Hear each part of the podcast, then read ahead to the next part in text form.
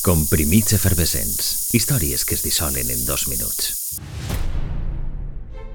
Incòmodes, rústiques i doloroses.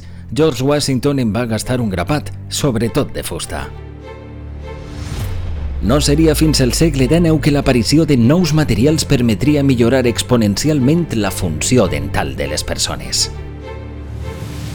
sobretot per a totes aquelles que per diverses raons havien perdut totes les peces.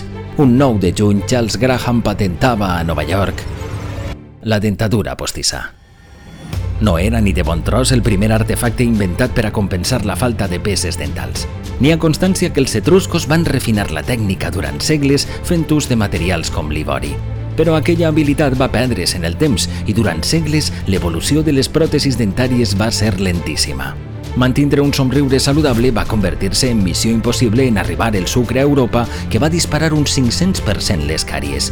A l'edat mitjana era més freqüent l'extracció de les dents danyades que no la seva substitució. No obstant, entre les classes poderoses, que tenien molt que mastegar i pocs instruments per a fer-ho, continuà experimentant-se.